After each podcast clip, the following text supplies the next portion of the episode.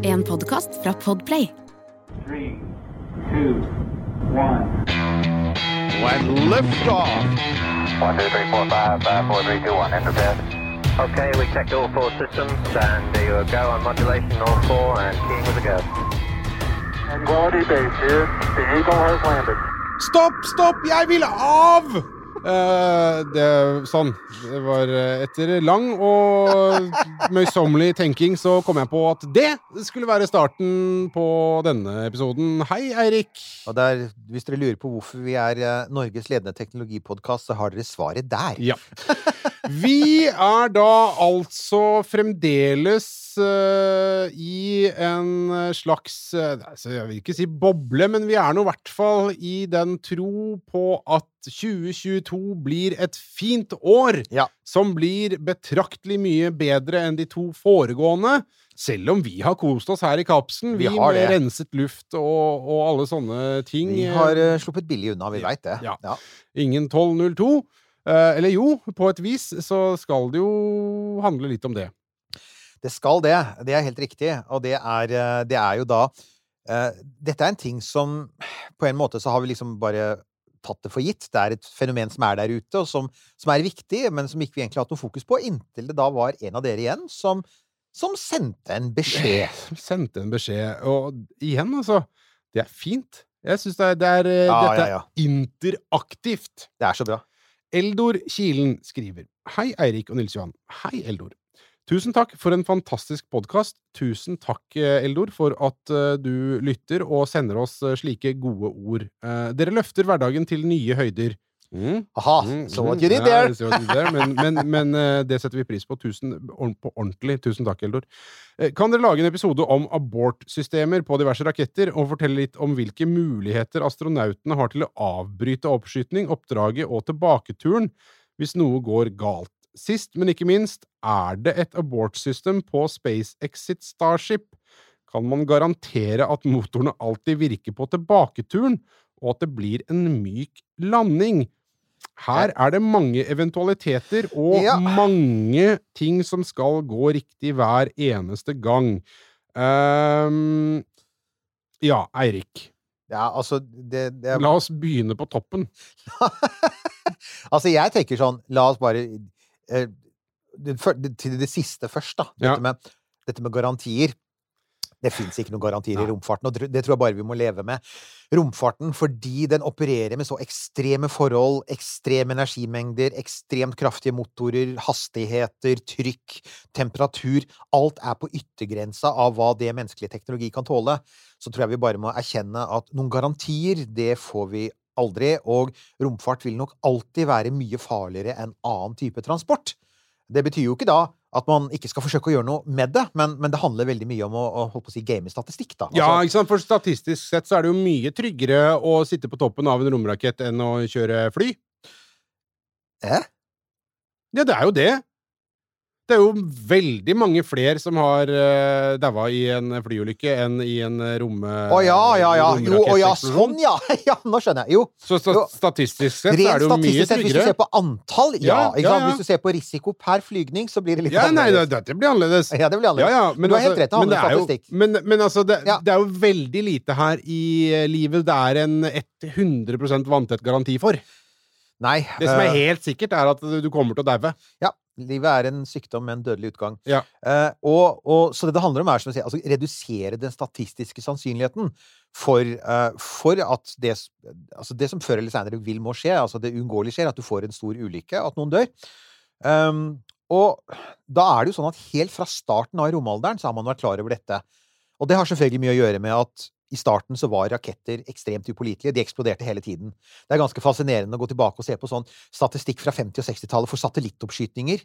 Og så I dag så skvetter vi litt når en satellitt Jeg kan ikke sist huske jeg så en satellitt, eh, en rakett eksplodere under oppskyting, og at en satellitt ble borte. Det var vel noe russisk uh, greier nå nylig som ikke levde så lenge, var det ikke det? En sånn spionsatellitt som ramla Ja, det ned stemmer. relativt det, den kom, jeg faktisk den kom vel opp etter Den kom men- opp, men den datt ned ganske Men- fort, gjorde den ikke det? Men ikke sant? Men altså, på 60-tallet, på 50-60-tallet, så var spektakulære eksplosjoner på paden var normale. Ja. Sånn som for eksempel USAs første satellitt. ikke sant? Den, den eksploderte på oppskytingsplattformen utgangspunkt for masse, masse TV-seere.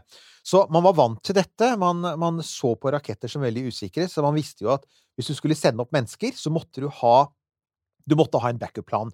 Du måtte ha et redningssystem. altså Det kalles jo gjerne sånn launch escape system på amerikansk. På norsk så er vel kanskje det beste sånn redningssystem, er det beste jeg har kommet på, da. Livbåt. Livbåt var noe vi skulle hatt uh, Maria Ja, Hammerstrøm her. Vår, eh, vår eh, stedlige språkekspert. Men ja, ehm, og den vanligste typen som vi tenker på da, det er denne herre rakettmotoren. Altså denne raketten, som sitter på oppå ned- raketten. Ikke sant? Rakett på toppen av raketten. Som er en sånn eh, stang som er festet til romkapselen. Gjerne et skjold på utsiden av romkapselen, så du får litt beskyttelse også. Eh, og så sitter romkapselen inni der, og så oppå på toppen av den stangen så sitter det da gjerne fire motorer som peker litt skrått utover, og det er da gjerne sånne faststoffmotorer, sånn fyrverkeriraketter, som kan tennes veldig fort. Eh, og så er de kobla til sensorer lenger nede i systemet, så om du merker at noe går galt, så, så, så utløses systemet enten automatisk, eller det kan utløses, utløses manuelt fra bakken. Det hjelper ofte ikke så mye om at astronauten gjør det, for at astronauten selv vet ofte minst, i og med at du sitter inni den der ristete, bråkete greia. Ja, og- så det er ikke sånn at de sitter inni der med som eh, tommelen på Ja, i nærheten av en nærheten av en det er faktisk et godt spørsmål. sånn- spørsmål. Det er, det er faktisk ikke, det er faktisk ikke du sikker på. blir litt skittish der eh, når det begynner å buldre og, og riste som verst så For det, for det, men det vi vet, er at, at, at automatisk, eh, altså automatisk uh, avfyring er jo noe man har fordi at det ofte går så fort. Ja. Og at man også har muligheten til å utløse det fra bakken. Eh, og, og det er jo også nødvendig, for hvis man ser noe fra bakkene, så at man ser noe er galt Men, men um, astronautene selv vil jo veldig ofte være ganske sånn der um, altså, altså vil jo være i en ganske sånn forvirrende situasjon, for det, igjen, det er bråkete og ristete. Mm. Uh, og, og det er alltid masse lyd om bord i en rakett på vei oppover. Så, så ja, uh, den modellen der ble jo først brukt på amerikanske Mercury-raketter. Den ble brukt på Apollo, hadde jo det samme. Eh, og det er fremdeles i bruk. Eh, russernes Soyuz har en sånn løsning. Eh, og den russeren er også faktisk, så vidt jeg vet, de eneste som faktisk har, altså har brukt den under en oppskyting. Ja. Det var Ja, for det satt jeg og tenkte på. Har ja. det noen gang blitt brukt? Faktisk, ja. tjue- 26. september 1983. Og det var Soyuz T10 som skulle skytes opp fra Sovjetunionen. Eh, og da tok raketten tok jo da fyr eh, mens den sto på eh, Før oppskyting, mens den sto på plattformen. Og dette er jo en litt sånn kjip situasjon å være i, for da er du fremdeles veldig nær bakken, ikke sant? Ja. Så, så derfor så er det ekstra viktig at den raketten drar deg høyt, Høyt opp. opp, ja, sånn at fallskjermen får tid til å Ikke sant? For det neste leddet i systemet er nettopp at fallskjermene som er om bord i romkapselen, og som egentlig er ment å felles ut mange mil over bakken, og har god tid på seg til å komme ut, plutselig skal skytes ut veldig fort. Mm. Eh, og, og derfor så har du veldig lite tid på det. Eh, denne redningsraketten klarte faktisk å dra kapselen to kilometer opp i lufta, Ja. eh, før raketten altså eksploderte under, under og, og så landa noen kilometer unna. Dette skjedde på Baikonur. Um, og, det, og da opplevde jo de kosmonautene som var om bord i Soyuz T10, de opplevde jo da en ting til som det, disse redningssystemene har, og det er selvfølgelig at hvis du skal fly veldig fort unna en eksplosjon, så trenger du veldig rask akselerasjon, vil si det store G-krefter. ja. De ble utsatt for noe sånt noe som 17 G i, mens de ble dratt vekk. Det Ja. er faktisk ikke lite G-krefter. Og landingen, fordi at den var så lavt over bakken, ble også usedvanlig hard, så de var, veld, de var altså grundig forslåtte, rett og slett. Ja. Det er bedre det enn å være død. Det er mye bedre det enn å være død.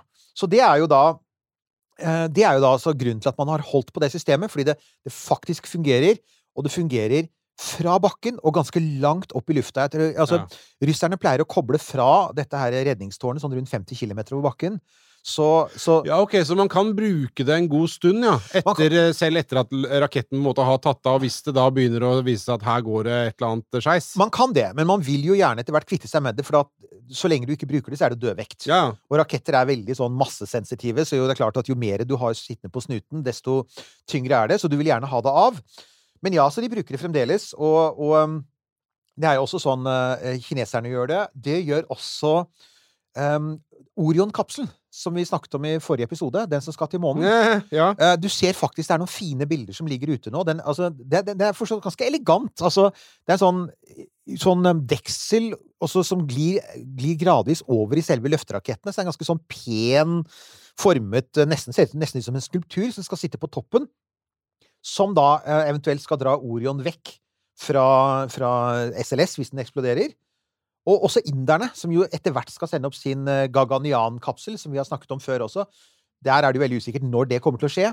eh, de har også De skal også ha en rakett på snuten. De har testet disse systemene, for de blir også alltid testet i forkant. Så det fins noen litt sånn spektakulære bilder, blant annet av testene fra 60-tallet av Apollo. Eh, man testet jo da hvordan nødraketten da dro Apollo-kapselen vekk da fra en eksploderende. Så det, men da Det er jo snakk om en ganske heftig rakett uh, på tuppen her, da, som klarer å løfte en hel romkapsel Det er det. eh, Snakk, uh, ikke sant? For, nemlig. Altså, den raketten som sitter på tuppen av, um, av Orion, den skal da løfte en kapsel som veier ganske mange tonn. Eh, Den skal jo da ikke altså, Og det det er jo flere ting som skal skje her, for at da skal jo selve Altså, den skal jo ikke dra hele servicemodulen, for den er svær og tung. Så du skal jo da frigjøre selve kapselen. Og den kapselen er jo da festet til servicemodulen, så da har du Ofte så har du sånne eksplosjonsbolter, som altså rett og slett er skruer med litt sprengstoff i, som gjør at du kan altså løse ut skruene på et, et et tusendels sekund. Du bare sprenger dem, og så er du fri. Uh, så det skal, og alt dette skal jo skje i løpet av noen millisekunder. Og det er igjen dette her med at når en rakett først eksploderer under deg, så, er, altså, menneske, så, så vil du helst ha gode sensorer, fordi at menneskelig reaksjonsevne er ofte ikke nok, rett og slett, til, Ja. å, til, å, til å være i tide. Og så vil du gjerne ha et system som er såpass trygt også at det ikke bare går av i tide og utide. Ikke sant? Og, og det er helt sant. Altså, men så er jo saken da at man har jo også eksperimentert med andre løsninger.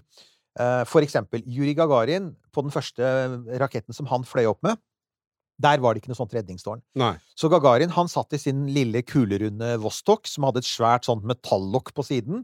Eh, og du kan faktisk se på konsepttegningen. Han sitter i et katapultsete, altså fra et jagerfly. Ja. Eh, og, og, og tanken her var at hvis noe gikk galt på oppskytingsplattformen, så, ville, så skulle lokket skulle skytes løs med, med små sprengladninger og, og fare av gårde. Og noen sånn millisekunder seinere så skulle dette, altså katapultsetet, skulle da avfyres og fare ut gjennom åpningen. Skyte han ut, ja. Og skyte han ut med, med han Holde oppi. fingra innafor. Holde fingra innafor. Og igjen, katapultsetet har jo altså Det er ganske sterke G-krefter. Ja. Uh, og igjen så er det sånn at du vil veldig gjerne langt bort. Du vil jo så mange hundre meter bort fra dette som mulig, og opp i høyden. For igjen, du skal felle ut en fallskjerm, og meningen er egentlig at du skal dale fra større høyde enn rett over bakken. Så, så eh, det var jo Den katapultseteløsningen, den var den, Suboptimal! ja, og det oppdaget jo amerikanerne, fordi at Her er det litt fascinerende, da. På den ene siden så hadde de Altså, på, på Mercury så hadde de et bedre system enn sovjeterne. Så switcher sovjeterne etter hvert bort fra den der katapultseteløsningen. Amerikanerne går da fra Mercury-romkapselen over til Gemini, Gemini, som jo var mellomtrinnet fram mot Apollo. Eh, Det var en sånn midlertidig løsning hvor du skulle lære hvordan man fløy Alle de tingene som Apollo måtte gjøre, det brukte man Gemini til å gjøre. Og du merker hvor midlertidig Gemini var på at den Altså, Gemini hadde ikke noe redningstårn. Og i likhet med uh, Mercury, og i likhet også med, med Vostok, raketten, altså ka kapselen til uh, Gagarin, så satt jo altså da faktisk Gemini satt jo på egentlig ombygde militære raketter. Og igjen, raketter som ikke hadde verdens beste sånn Mm. sikkerhets... Ikke sant? Så det fins da et veldig kjent eksempel på dette. De hadde altså du hadde, eh, Gemini hadde altså katapultseter. eh, de hadde sånn, eh, og, den var jo kjegleformet, så da var det tatt to sånne svære, flate dører som skulle skytes av. Så skulle astronautene skyte seg ut. Igjen på skrå oppover, for du vil jo komme litt opp i høyden. 12. desember 1965 så er det Gemini 6A. Er- Den Gemini 6 hadde da vært tekniske problemer. 6A skal skytes opp. Uh, og om bord er da uh, Wally Schirra og Tom Stafford. Og uh, de sitter klare for å de- skal da skytes opp for å møte Gemini 7, for de skal gjennomføre et sånn møte i bane. Første gang de skal gjennomføre et møte i bane. Titan-raketten som de sitter på, Titan er da igjen en sånn stridsrakett. Den ble, den ble avfyrt, men etter ett og et halvt sekund så kuttes motoren. Uh, og, og det var, viste seg ettertid at det var en sensorfeil, så det var jo ikke noe veldig dramatisk i og for seg. Men det er klart at hvis raketten hadde lettet, Mm. og så hadde deisa ned igjen, Ja, så var blitt- sjansen overhengende for at et eller annet hadde blitt klemt sammen, og at hele stacken hadde eksplodert. Ja. Og regelen var at altså, Og dette visste Wally Shiraz, som var kaptein. Regelen var at når dette skjedde, at, at hvis det var en sånn, eh, sånn eh, engine abort under oppskyting, eh, så var regelen at han skulle dra i dette D-håndtaket som sitter mellom beina, et sånn D-formet metallhåndtak, og avfyre katapultsetet. Da skulle han faktisk utløse Så han skulle altså faktisk utløse dette selv. Ja. Så han, der hadde han kontroll. Wally Schirra, han valgte å ikke gjøre det. Eh, og, og det var altså helt iskaldt, så satt han og Stafford i kapselen og bare ventet på at at det ikke eksploderte. Grunnen var at han hadde ikke kjent at raketten hadde løftet. Ah, løftet. Han, ah. han kjente at den sto helt stille, men det var et regelbrudd. Men her er saken. Det var en grunn til at, at det gikk på det regelbruddet. For en ting var at det er ekstreme G-krefter. Opp mot 20 G, altså ved utskytningen. Så det var skikkelig Det var én ting. Men det andre, og det var altså Tom Stafford da, som sa Han sa i ettertid, han ble spurt om hvorfor skjøt dere ikke ut, så sa han hadde vi gjort det, sa han, så ville vi vært to fyrverkeriraketter på vei ut av eh, kapselen. Fordi vi hadde sittet i rent oksygen, de brukte en ren oksygenatmosfære, i halvannen time. Alt i kapselen var dynket i oksygen. Mm. Og så skulle de da fyre av disse små rakettene Ah, shit, som ja. skjøt dem av gårde, ikke sant? ja. Du husker brannen på Cape, det er Apollo 1? Ja. Jesus, sier han, med de rakettflammene så ville vi ha brent opp i draktene våre. Og en annen ting, NASA testet det aldri under forholdene vi ville hatt om vi skulle skyte oss ut. De hadde noen tester ved China Lake, eh, som er et sånn testplass, med en sånn mockup av Gemini. Men der brukte de nitrogengass, som jo ikke er Altså, det er jo kvelstoff. De brukte nitrogen og ikke oksygen, så, så som han sa, de hadde altså rett og slett Om de hadde, blitt, hadde skutt seg selv ut, så er sjansen stor for at du hadde sett to flammende astronauter fly av gårde, lande ekstremt hardt og brutalt fordi det var så lavt. Og det var en annen ting, altså.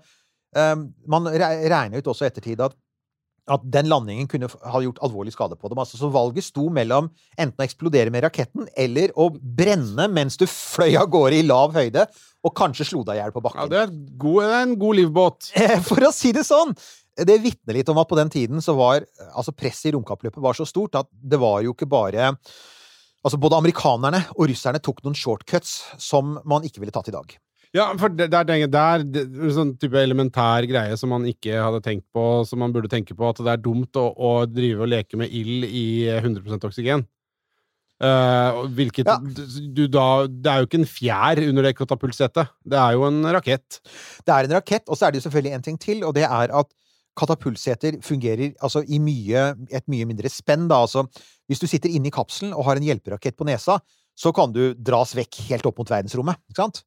Mens hvis du sitter i et katapultsete, og så skal du ikke Altså, du kan ikke skyte ut av en, eh, kan ikke skyte ut skytes ut av et katapultsete i en rakett som suser av gårde i 5000 km i timen, 40 km over, ikke sant? Altså, da, det vil ikke fungere. Så katapultsetet hadde også en sånn veldig begrenset område hvor det ville fungert. Så for alle praktiske formål så ville det hjelpe deg de første få tusen meterne. Og egentlig ikke på bakken, for da risikerte du å slå deg i hjel. Ja, ja. Så, så i det hele tatt, det var ikke noen god løsning. Men, men så nevnte du jo Apollo 1 Ja. og, og brannen.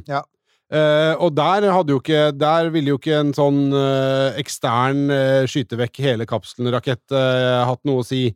For det, der var det jo inni, og der var det jo brann inni, og de Altså, herregud, stakkars jævler som bare satt der og, og brant opp. Og vet og det skjedde jo ting selvfølgelig i etterkant av det, men da måtte man jo ha et, et ekstremt effektivt brannslukkingssystem med nitrogengass eller et eller Der annet sånt ville der, jo faktisk katapultsetet vært en bedre løsning. For at Det da hadde det. du Da kommer du ut av kapselen. Da hadde du kommet ut av kapselen bort Ja. fra brannen. Det er et innmari godt poeng. Og, og vi skal jo ikke bare disse katapultseter her, for, at, eh, for alt jeg vet, så er det noen Jeg eh, disser ikke katapultsetter i det hele tatt. Jeg syns det er utrolig kult. Det er utrolig ja. kul teknologi, det er bare at den er ikke alltid like praktisk Nei. i romfart. Nei. Men jo, for altså, altså den, den ble jo vurdert såpass seriøst at på den aller første romferjeferden så var jo faktisk eh, John Young og Bob Crippen hadde jo faktisk hvert sitt katapultsete. Men romferja var også konstruert sånn. Der satt man jo i to etasjer. Så det var kun piloten og kopiloten som hadde kunnet skyte seg ut. Mens alle de andre om bord, de Ja. satt etasjen under, hadde ikke kunnet. Da hadde måttet skyte deg ut gjennom gulvet. Så romferja ville aldri kunne hatt den løsningen, men uh, sovjeterne Men hadde Unnskyld. Uh, had, var det noe på romferja i det hele tatt? Ingenting. Nei? Kommer straks til det. Ja, ja, ja. For at, altså, Sovjeterne tenkte jo katapult De ville ha katapultseter på sin Buran-romferje. Ja. Eh, ESA vurderte også å ha katapultseter på Hermes, så det har vært vurdert flere ganger. Det er ikke det. Eh, men sånn i det store og det hele så er de fleste har Altså, det er stort sett lagt bort nå, og det har også, handler også, om, handler også om dette her med at, at du kan redde deg unna i mye større høyde med en sånn hjelperakett. og og jo lenger opp i atmosfæren, hvis du er inne i romkapselen, jo lenger opp du, er- opp du er i atmosfæren, desto bedre er det også. Det er jo en annen ting, selvfølgelig. Altså, for eksempel i 2018, der var det jo en kjent sak. Der var det Soyuz MS-10 som var på vei opp til romstasjonen. Og der sviktet bæreraketten eh, etter at eh, hjelperakettene var skutt vekk. Eh, og da hadde faktisk Den hadde allerede kvitta seg med selve den hjelperaketten på snuten, men da satt det små raketter i Soyuz som kunne skyve Soyuz vekk fra den eksploderende raketten, og, og så kunne kapselen faktisk lande trygt. Ja. Så når du kommer opp i høyden igjen, da fins det langt større muligheter for å redde deg. Så, så det er um, Det er så det, det er særlig altså den mest kritiske delen, den vanskeligste delen å gjøre noe med, Ja, men, ja. Det er langt nede. Ikke Ja, ikke sant? Det er rett etter oppskyting, Det er sånn mellom, mellomfase der. ikke sant? Og så er det når du er på vei opp gjennom den tette delen av atmosfæren, hvor, hvor atmosfæren presser veldig på romskipet, og det å forsøke å bevege seg ut av romskipet vil være veldig farlig. Det er klart, jo lenger opp du kommer, jo mer tid har du på deg, desto større muligheter har du også til å redde deg. Og dessuten en ting til, da er jo raketten har mye mindre brennstoff. Altså, den har jo da stort sett Høyt opp i høyden så har jo raketten stort sett brukt opp mesteparten av brennstoffet sitt, så 1202. En ting som også slår meg nå, som vi bare, bare får nevne det, for jeg mener å huske på disse opp, eh, fra liksom oppskytningstårnet eh, på Apollo-rakettene, så var det også en sånn uh, zipline med en sånn kurv. Men, men Ja. det var vel mer for uh, mannskapet om bord i tårnet hvis det skulle begynne å brenne der nede? Nei, det var, sånn også, det var også potensielt for å kunne få astronauter vekk fra en situasjon før døra var lukket Ja. og rakettmotoren var altså, så, det, så det var mulig I prinsippet var det mulig å få dem vekk fra en nødsituasjon, men også det var en av disse herre fancy NASA-løsningene hvor astronautene, når de blir spurt i ettertid, sa nje. Hvor smart hadde dette vært? Ja, vi, vi kommer snart til en sånn løsning. Eh, og så var det en ting, altså, et, et, et viktig moment her er det der med at disse hjelperakettene, de er jo Altså, de er tunge. Ja. Så for eksempel på Orion så veier altså hjelperaketten åtte tonn, eller nødraketten veier åtte tonn. Det såpass, ja. Og det er ganske mye, for det er altså noe sånt noe som Altså, det er det er godt over 10 det av den nyttelasten som standardversjonen av Orion, av, av SLS, kan sende opp i bane. ja. Og det er ikke gjenbrukbart. Så når du først har skutt den Du sender den av gårde, og så lander den i sjøen. Ja. Så det er også en ganske kostbar komponent. Og det har jo gjort at i, i våre dager så er det fremdeles et sånt eh, nødsystem, et redningssystem. Men eh, både Boeing og eh, SpaceX har da et system som er bygd inn i selve romkapselen. Mm. Så istedenfor at du har en rakett på snuten som drar, så har du sånn push-system. ja. Og da sitter det små rakettmotorer. Så for eksempel i Crew Dragon så sitter det fire rakettmotorer som heter um, Super Draco. Uh, og som ikke bruker fast brennstoff, men sånn uh, selvantennende hypogolisk brennstoff, som tenner veldig fort. Og det gjør at du liksom på noen, på noen millisekunder så er du i gang, og da kan du dra Eller du kan ikke dra, du kan skyve romkapselen vekk fra raketten.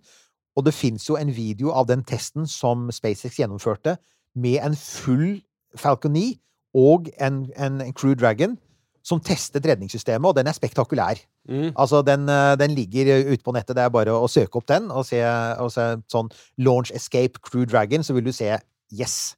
Det funker. Mm. Så, så det er jo en um, Det er en smart måte å gjøre det på.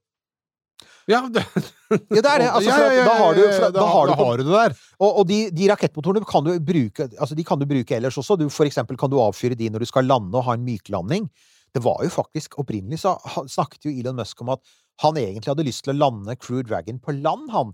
Uten fallskjerm. Altså bare rett og slett bruke disse Draco-rakettene som sånn re- retrolanding. Men det er jo Ja. samme type landing som du har på Starship. Det sa NASA nei til. Ja. Kan jeg, kan jeg eh, bare avspore bitte litt? Kan jeg bare få lov til å si noe? Eh, Ja. For at jeg, jeg kjente at jeg, jeg fikk litt puls når jeg så det. Og det er jo eh, sånn eh, animasjon av eh, den SpaceX eh, Det er vel, eh, det er vel Starship, første Oh, yeah. som blir fanga av disse armene, og så bare Oh yeah! Det er så sexy! Det er så bra! Og det er sånn Hvis de får det der greiene til, det og det bare er så sexy, den, der, den lander så presist ved siden av tårnet Mekasilla, de kaller det. ja, de og så kommer de armene ut og bare fanger den og bare, og bare det, griper tak i den og, og setter den pent ned på bakken.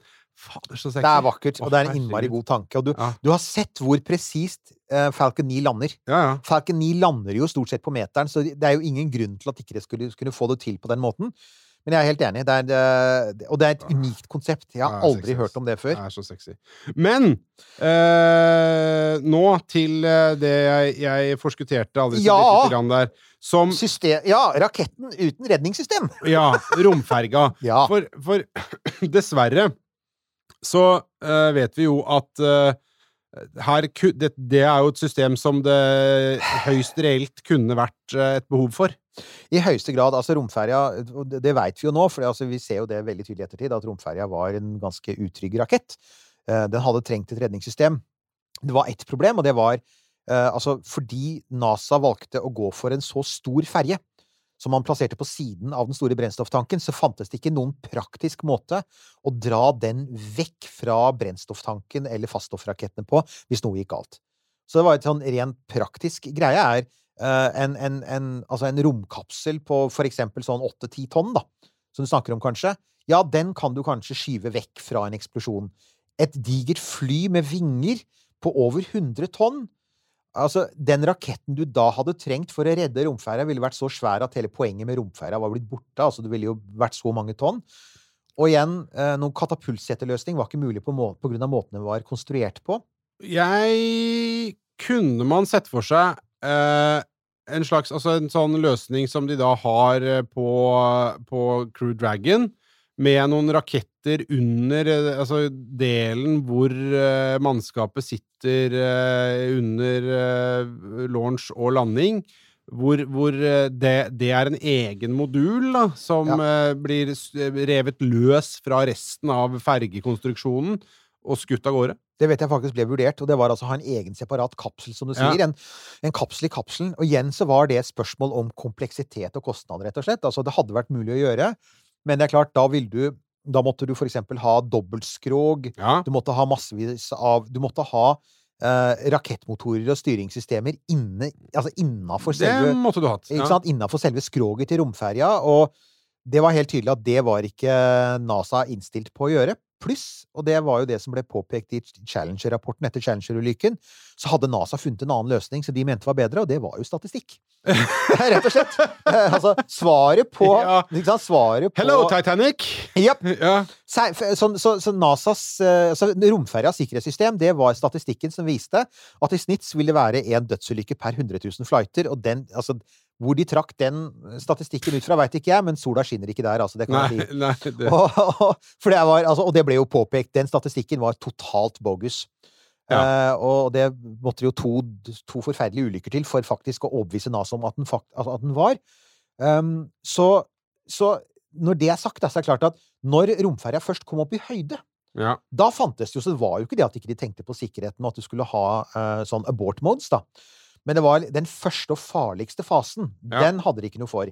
Men når du kom litt lenger opp og hadde kastet av faststoffrakettene, Ja. da fantes det en del muligheter. Så da hadde du, du hadde fire forskjellige sånne abort modes. Og den første, som er den morsomste, det er Den heter um, RTLS, og det er Return to Launch Site. Og da, altså, romferja er kommet høyt opp, den har sluppet faststoffrakettene, noe går galt, eh, og da finner ferja ut at, og da finner man ut at OK, eh, eh, romferja må snu og, fly, snu og fly tilbake til Cape, hvor de har en lang eh, rullebane. Eh, det du da må gjøre, og dette har faktisk folk forsøkt å simulere i Kerbal Space Program, det derre eh, så- sånn romferje, romfartssimuleringsprogrammet. Eh, jeg tror faktisk Scott Manley, han der store romfarts-youtuberen, han har forsøkt å gjøre det. Og som han sier, det er omtrent umulig å få til. Og en av romferjeastronautene, Mike Mullane, han kalte det jo 'an unnatural act of physics'. Altså, det er, det er, altså, det er i strid Og det, du ser at den skal flippes rundt og snus tilbake og flippes rundt, og så og, og alt skal skje perfekt, hvis ikke så mister du kontrollen og styrter. Uh, og du skal ende opp med å ha 1-2% brennstoff igjen i tankene dine for å være helt trygg på land. Så, sånn, ja det så, så for alle mange. praktiske formål, re, re, Return to Launch Site var aldri veldig realistisk. Så fantes det en som het uh, Altså, det var uh, en mulighet for abort til å, å lande på flyplasser på den andre siden av Atlanteren. Og det var sånn, hvis romferja kom, fikk god fart, eh, men åpenbart ikke hadde nok kraft til å komme seg rundt jorda, så var det mulig å lande på den andre siden av Atlanteren, og da fantes det faktisk, når, under alle romferjeoppskytninger, så sto det faktisk alternative flyplasser klare til å ta imot romferja. Så det var vel både i Nord-Afrika og i Spania og på Azorene så var det altså mulig å, å ta imot um, romferjer i nødsituasjoner. Ja. Så hadde du uh, abort once around, og det var at du gikk en gang rundt jorda og landet på, uh, på, på Cape Canaveral hvis du hadde litt mer energi. Og så var det det som het abort to orbit, og det vil si at du kom ikke høyt nok opp, men du kunne fremdeles gå i trygg bane. Ja. Og det skjedde faktisk en gang. Så det skjedde med Challenger i 1985. Da sviktet en av de hovedmotorene. Uh, igjen, antagelig, det var noe helt trivielt, det var ikke noe veldig farlig, men den bare sluttet, den, den brant seg ut litt før de to andre. Så den, den fikk rett og slett ikke fart nok til å komme opp i den ønskede banen, men den kom høyt nok opp til at de var i bane, så da ble det sånn abort to orbit. Så det var Det fantes redningsmoduser, men De høres jo litt sånn teoretiske ut. eh, Eh, ja. og, og, og i beste fall sånn best case scenario failure her. Ja, og en ting til, selvfølgelig, og det er det vi ikke skulle skal glemme. Romferja var i veldig stor grad et manuelt styrt romskip. Altså, det fantes jo ikke for eksempel noen automatisk landingssystem for romferja. Det hadde jo ikke den i startfasen. Som sovjeterne hadde det i Buran, og i dag så har selvfølgelig altså Alt som SpaceX bygger, er jo automatisk. Eh, og jeg tenker at en del av de tingene som de hadde tenkt å gjøre, som for eksempel den der return to launch site, det er jo egentlig det som boosteren til Falcon 9 gjør hele tiden med høy presisjon. Ja. Den klarer det. Så hvis NASA hadde gått for en smart automatisering, så skal du ikke se bort fra at det hadde vært lettere å gjøre det. Kan tenkes. Men jeg mener å huske å har sett Det kan hende det er fantasi at dette var en film eller noe, men jeg mener å huske å ha sett noe system for eh, noen sånne astronauter som hopper ut i fallskjerm fra Ja. romferja. Med en sånn lang stang Ja, som du skulle sånn- ja, ja, ja, ikke sant? Så, Det sånn var etter Challenger. Klara, Klara noe greier? Ja da, og det var i, i tilfelle det oppsto et problem på slutten av, og der har du det samme igjen med at så snart du skal forlate romskipet, så er det veldig begrenset hvor du kan gjøre det.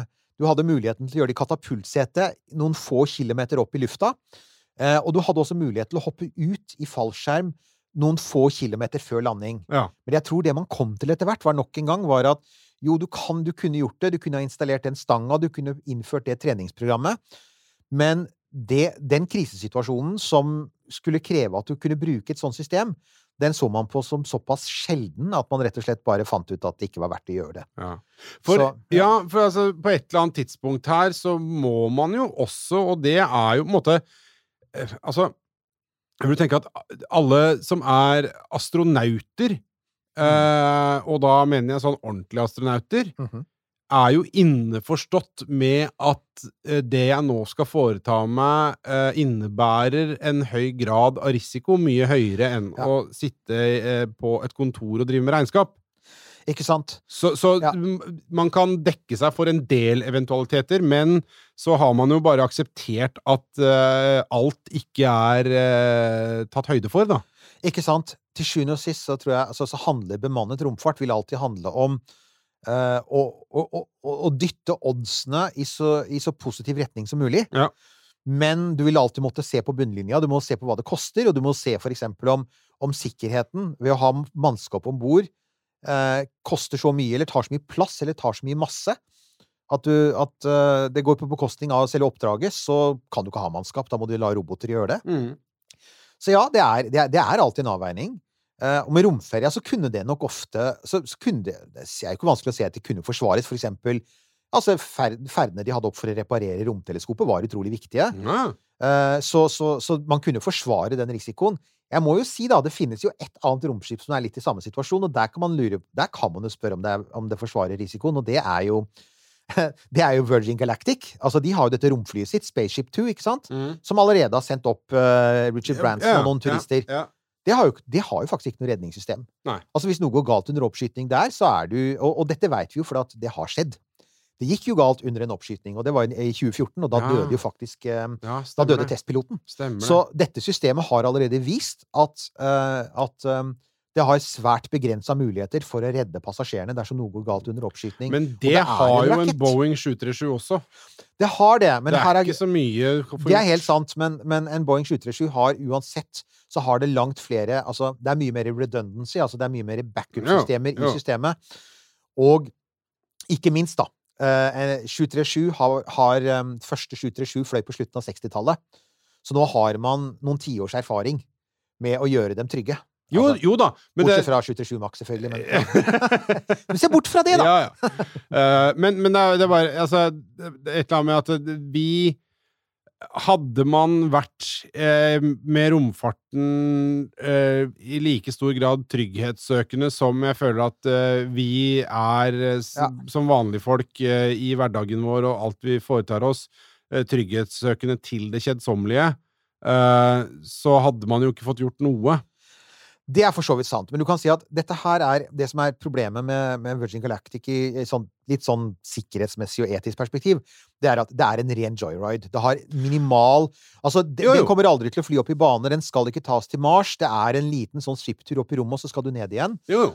Så, så på sett og vis så, så jeg sier at mens, mens altså typ det, en Falcon 9 er et reelt romskip, så er kanskje eh, altså Spaceship 2 er liksom litt mer som basehopping. Det er ekstremsport, yeah. og det har ekstremsportrisiko knyttet til seg. Men, men det viktige å huske på er altså at det fins systemer der ute som altså rett og slett Det fins ting som flyr opp i rommet, også i dag, som altså ikke har noen backup-systemer. Er Hva med Bezos og dildoen hans? Ah, den har faktisk et redningssystem, det glemte vi å si. Og Ja. den har, det er det konvensjonelle. Det er et sånn push-system. Ja. Det har vært testa.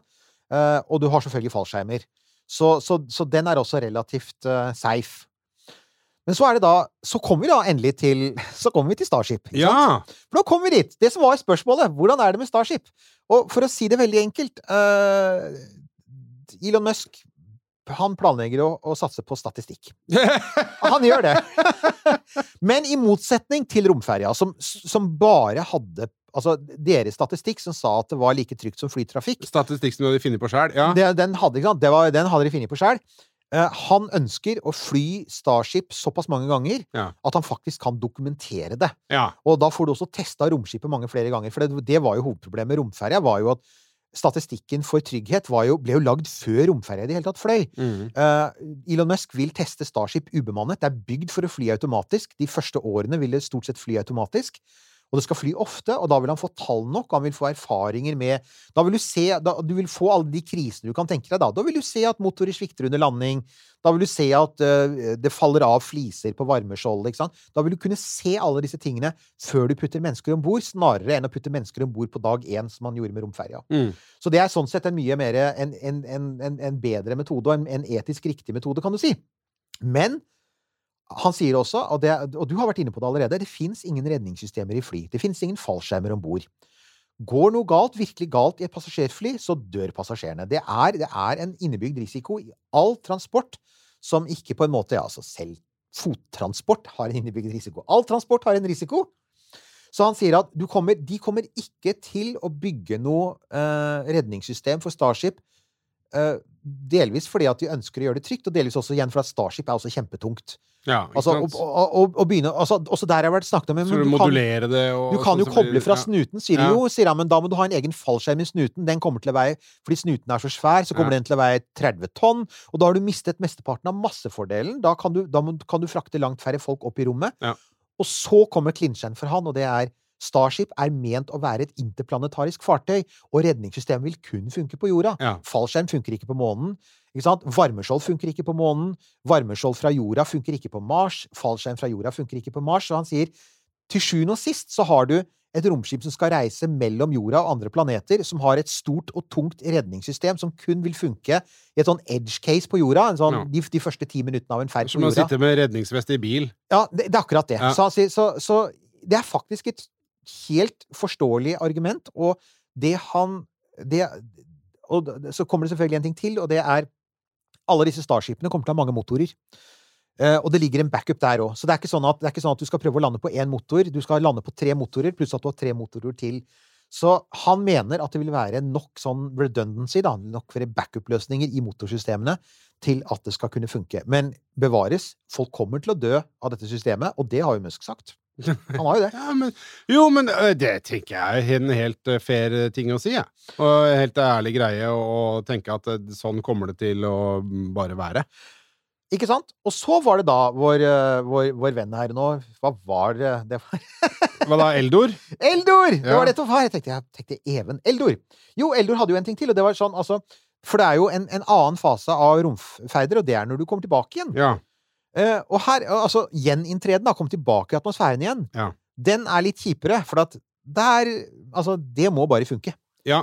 Der fins det ikke altså, Det ikke noen måte å hoppe ut av et romskip som er i ferd med Hvis noe går galt med varmeskjoldet, for eksempel, det gjorde det med Columbia, Mm. Uh, du er stuck. Ja. Uh, du kan ikke hoppe ut i fallskjerm, da brenner du opp. Du kan i det hele tatt Du må være i romskipet ditt.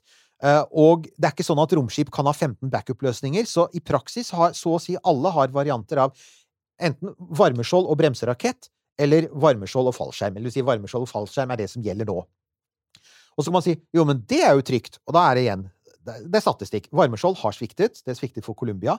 Og, og jeg syns jo det er interessant, det, det holdt jo også faktisk på å eh, svikte under den aller første eh, amerikanske romferden opp i bane. John Glenn, vet du. ja. Han hadde jo en tur. Um, han hadde jo en tur opp i Altså, hans første romferd var 20. februar 1962. Første gangen amerikanere skulle opp i bane, på samme måte som Gagarin.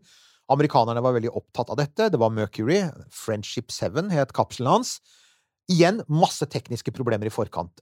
Dette var fryktelig eksperimentelt. ikke sant? Det var virkelig sånn at han system, altså, Du kunne nærmest høre at det knitra inni ledningen. ikke sant? Altså, alt var kobla sammen fra scratch.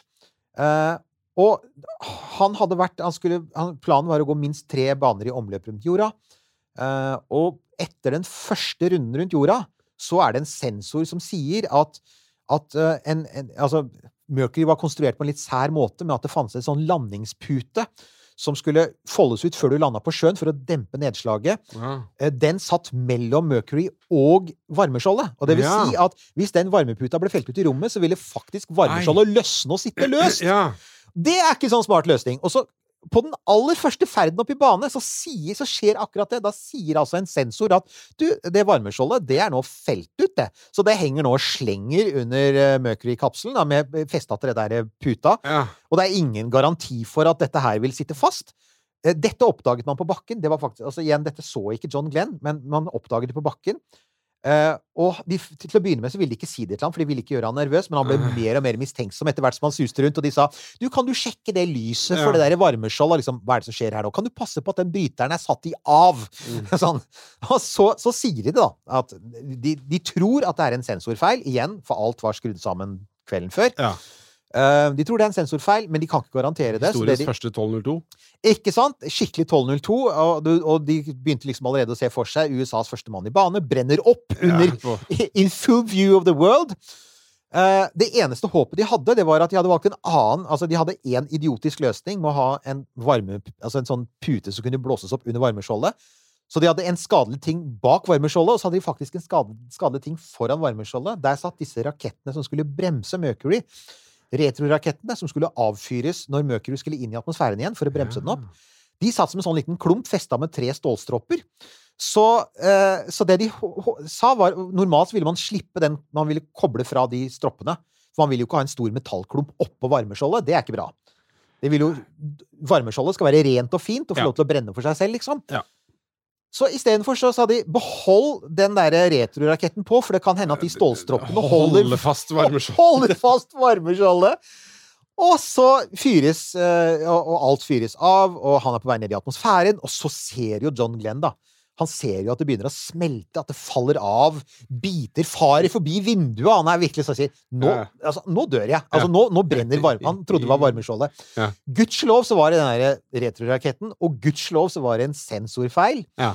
Så varmeskjoldet satt på, men, men likevel, det er en sånn nyttig påminnelse. Ja. Også varmeskjold kan svikte. Og dessverre, Eldor, til og med fallskjermer kan svikte, for det opplevde sovjeterne på 60-tallet. Da var det Vladimir Komarov, en, en sovjetisk kosmonaut. Han, han fløy med Soyuz 1. Den aller første Soyuz-ferden. Igjen masse tekniske feil, akkurat som på Mercury og Gemini. Og fallskjermen felte seg ikke ut. Og det finnes noen bilder på nettet. Det var, det var veldig lite igjen da han traff bakken, for å si det sånn. Så, så ja, eh, det er en usikkerhet i alt, var egentlig poenget mitt. Ja, og, og det er ingen garantier for noe som helst. Det er ingen garanti for noe som helst. Ikke i og- livet og ikke i romfarten. Nei. Det er akkurat det, og det er det vi Så for å, for å komme tilbake til det som er utgangspunktet eh, Som du sa, ingen garantier. Alt man kan gjøre, er å streve for at, at eh, og, og der tror jeg faktisk at Musk er inne på noe. Han, han vil normalisere romfart. Ja. Han vil at vi skal ha så mange oppskytninger at romfart får den samme typen tankegang som man får i, i, i, i, luftindustrien. Og nøkkelen til det er gjenbruk. For så lenge du hiver rakettene til bruk, så gir du faktisk beng i å lage noe som er slitesterkt. Alt Ja. den skal gjøre, den skal tåle å fly én gang, Ja. og så kaster du den. Ja. Det gjør noe med mentaliteten din. Du får en annen mentalitet når du skal bygge en maskin som skal ta av gang på gang på gang, på gang, dag ut, dag inn, og være full av folk. Så det er ingen tvil om at flyindustrien nok har hatt en annen måte å tenke sikkerhet på enn romindustrien, og det, du ser det veldig tydelig med disse tidlige eh, kapslene. Men du så det også med romferja, som helt klart var utrygg. Eh, blir, altså man, man gjorde utrygge valg, altså man gjorde valg som man aldri ville gjort i flyindustrien, for at de hadde en helt annen bevissthet om at dette skulle skje trygt, det skulle kunne repeteres, du skulle ikke behøve å reparere mellom hver gang, og du hadde masse mennesker om bord. Ja, for det der handler jo Én ting handler jo om som, hvordan det fysisk er, men noe annet handler jo også om at den tilliten du må bygge i de som da faktisk skal bruke det greiene her. Det er akkurat det. Og det er jo en ting som Ingen vet eh, dette bedre enn Elon Musk, fordi at han dealer med dette i Tesla. ikke sant? Ja, ja. Hver gang en Tesla Selvkjørende krasjer Teslaer. Selvkjørende Ja, Tesla er, et, eh, altså, det er antagelig fremtiden for transportbransjen, men, men det er et juridisk mareritt for Tesla. Det er det, og, og det er også et mediemareritt. Altså, det er, vi veit at det er mange flere som krasjer i ikke selvkjørte biler enn i selvkjørte biler, men det hjelper jo ikke. Så han er fullstendig klar over medieinntrykket av et, et Starship med 100 passasjerer som, eh, som gjør en sånn rudd som vi har sett Starship kan gjøre. Du prøver å lande på halen, og så svikter Mm. motoren, og så får du den derre og biter far i alle retninger. Eh, han, er, han er veldig klar over det. Og det er jo også et sånn sterkt press i retning av at de kommer til De kommer til å teste og teste og teste. Eh, men nei, der vi står nå, så er han helt klar på at han ikke kommer til å ha noen redningssystemer. Men Um, vår venn eh, Everyday Astronaut, som lager lange, fine videoer, han har laget en lang og grundig video om, om redningssystemer på raketter. Uh, og han sier jo at han han er ikke 100% sikker på at ikke Elon Musk etter hvert under press kan komme til å tenke litt kreativt der, for han er en smart fyr. Kanskje han finner en løsning på dette som ikke vi har tenkt på. Kan tenkes. Mm. Apropos, du nevnte det, disse fantastiske fangarmene, ikke sant? Ja, ja. ja, Ja, Så hvem vet? Kanskje, kanskje, kanskje ingeniørgründer, gale geniet som fant på, kom på denne ideen med disse her lange fangarmene som skal fange opp raketter fra verdensrommet. Kanskje han kommer på en løsning for redningssystemet for raketter som vi ikke har sett nå. Kan skje. Alt kan skje, har vi skjønt.